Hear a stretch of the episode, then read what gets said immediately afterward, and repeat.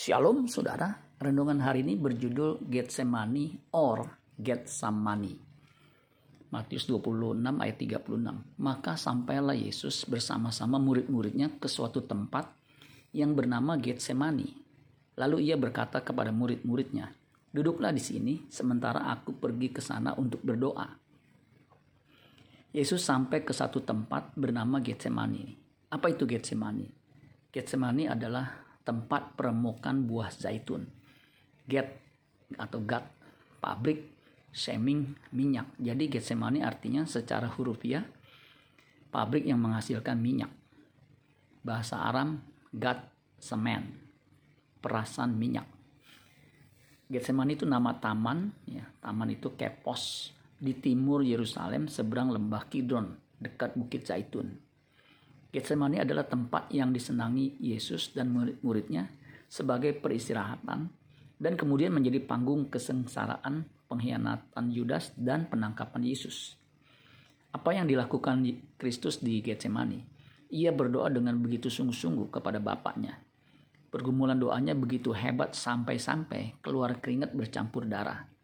Akhirnya ia siap menuju salib sesuai dengan misinya datang ke dunia Matius 20 ayat 28. Sama seperti anak manusia datang bukan untuk dilayani, melainkan untuk melayani dan untuk memberikan nyawanya menjadi tebusan bagi banyak orang. Yohanes 1 ayat 29 dan 36. Pada keesokan harinya Yohanes melihat Yesus datang kepadanya dan ia berkata, "Lihatlah anak domba Allah yang menghapus dosa dunia." Dan ketika ia melihat Yesus lewat, ia berkata, "Lihatlah anak domba Allah." Itulah kehendak Bapaknya. Dan Kristus taat sepenuhnya karena selama ini filosofinya adalah melakukan kehendak Bapaknya. Yohanes 4 ayat 34. Kata Yesus kepada mereka, makananku ialah melakukan kehendak dia yang mengutus aku dan menyelesaikan pekerjaannya. Ia melakukan misinya hingga tuntas. Yohanes 19 ayat 30. Sesudah Yesus meminum anggur asam itu berkatalah ia, sudah selesai. Lalu ia menundukkan kepalanya dan menyerahkan nyawanya. Itulah jalan salib yang menjadi pergumulan doanya di Getsemani. Ada saja pelayan Tuhan yang pergumulannya bukan taman Getsemani, tapi untuk Getsemani mendapatkan uang. Pelayanan untuk mendapatkan uang demi penghidupan yang nyaman di bumi. Akibatnya, pelayan Tuhan seperti ini memilih-milih tempat pelayanan.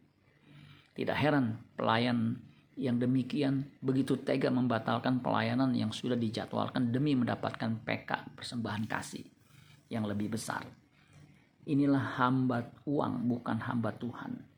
Hamba Tuhan hanya mengabdi kepada Tuhan, sedangkan hamba uang mengabdi demi mendapatkan uang, get some money.